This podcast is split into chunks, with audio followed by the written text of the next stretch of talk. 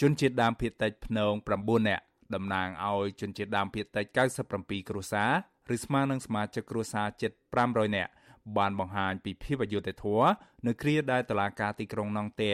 នៃប្រទេសបារាំង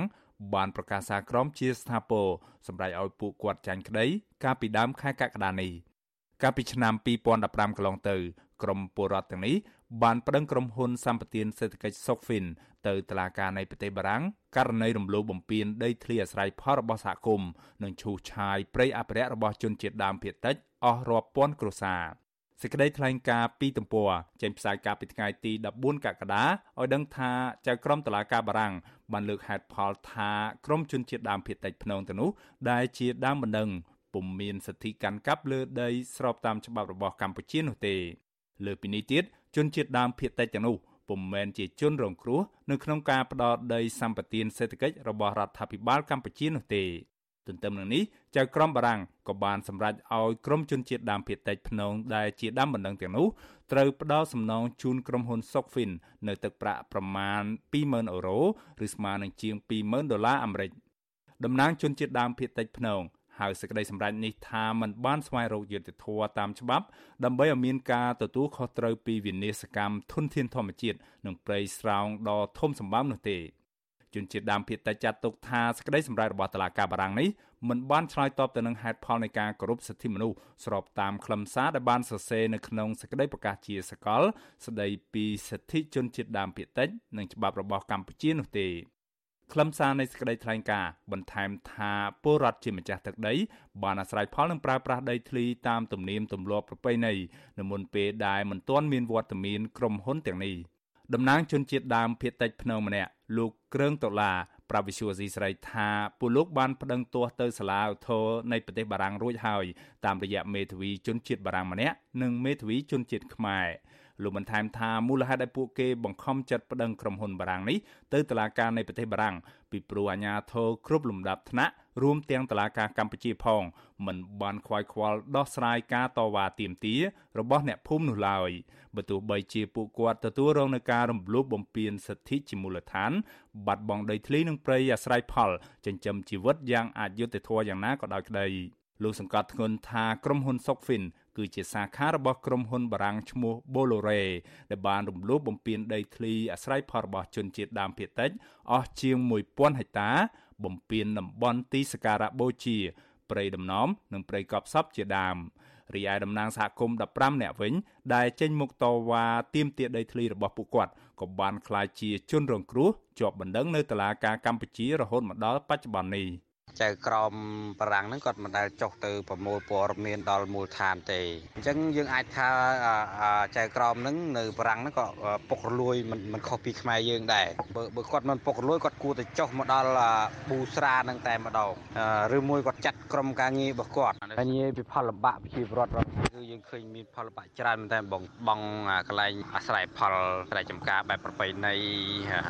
វាលែងមានហើយ សេចក្តីថ្លែងការណ៍បន្ថែមថាដីព្រៃជំនឿព្រៃដំណំព្រៃអភិរក្សព្រៃពនេចរនិងព្រៃសមរភាពដែលជនជាតិដើមភាគតិចភ្នងអាស្រ័យផលតាំងពីបរមបុរាណមកអាជ្ញាធរខេត្តមណ្ឌលគិរីយឺតយ៉ាវមិនចុះបញ្ជីដីសមរភាពទើបធ្វើឲ្យក្រុមហ៊ុនបារាំងទាំងនេះឆ្មក់ឈូសឆាយបំផ្លាញយកទាំងអស់ក្រុមហ៊ុន Bolore ដែលជាម្ចាស់ក្រុមហ៊ុន Sokfin បានបោះទុនវិនិយោគដាំដំណាំកៅស៊ូ ប៉ះចំដីចំការនិងដីដែលសហគមន៍ពឹងពាក់ផ្នែកជីវភាពនិងជំនឿតាំងពីឆ្នាំ2008មកក្រោយពីមានវត្តមានក្រុមហ៊ុននេះព្រៃជំនឿព្រៃដំណំនិងកន្លែងផ្ដល់ប្រភពម្ហូបអាហារយ៉ាងសំខាន់ត្រូវបានបាត់បង់ក្រៅពីនេះការផ្ដល់ដីសម្បត្តិសេដ្ឋកិច្ចនេះមិនបានពិគ្រោះយោបល់ជាមួយប្រជាសហគមន៍មូលដ្ឋានស្របតាមច្បាប់កម្ពុជានោះទេ វិសុវអាស៊ីស្រីនៅមិនទាន់អាចតាក់ទងតំណាងក្រុមហ៊ុន Sokfin និងក្រុមហ៊ុន Bolore ដើម្បីសុំការឆ្លើយបំភ្លឺជុំវិញការចោទប្រកាន់នេះបានយ៉ាងណានៅឡើយទេនៅថ្ងៃទី15ខែកក្កដា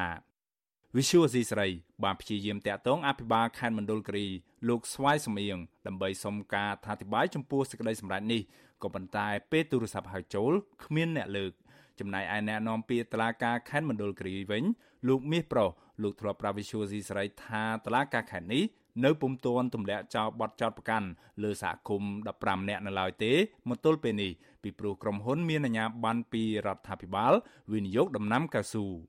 សហគមន៍ថាក្រុមហ៊ុន Sokfin ទទួលបានថវិកាវិនិយោគពីក្រុមហ៊ុន Bolloré ដែលមានទីស្នាក់ការនៅប្រទេសបារាំង ទទួលសិទ្ធិវិនិយោគដាំដំណាំកៅស៊ូលើផ្ទៃដីជាង10000ហិកតាស្ថិតនៅឃុំប៊ូស្រា ស្រុកពេជ្ររាដាខេត្តមណ្ឌលគិរីតាំងពីឆ្នាំ2008មក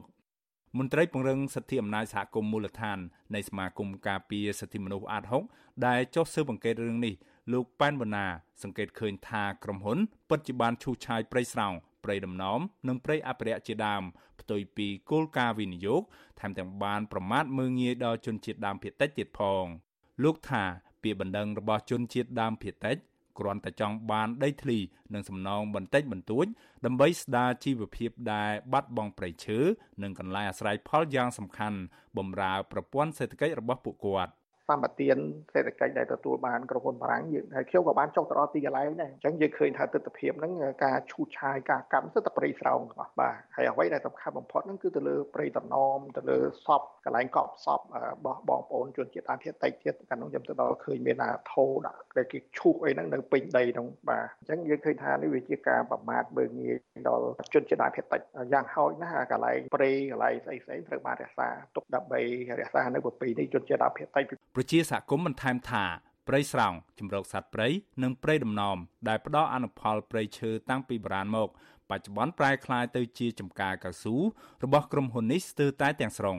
លើសពីនេះទៀតប្រភពទឹកអូសំខាន់សំខាន់ដែលជាសរសៃឈាមសេដ្ឋកិច្ចរបស់អ្នកភូមិផ្ដល់អត្ថប្រយោជន៍ដល់សហគមន៍ជាច្រើនភូមិត្រូវបានក្រុមហ៊ុនសុកហ្វីនឈូសឆាយលុបចោលអស់ លោកគ្រឿងដុល្លារបន្ថែមថាពួកគេប្តឹងទាមទារយកដីដែលក្រុមហ៊ុនរំលោភយកមកវិញនិងស្ដារទឹកអូធម្មជាតិដែលក្រុមហ៊ុនលុបចោលកន្លងទៅ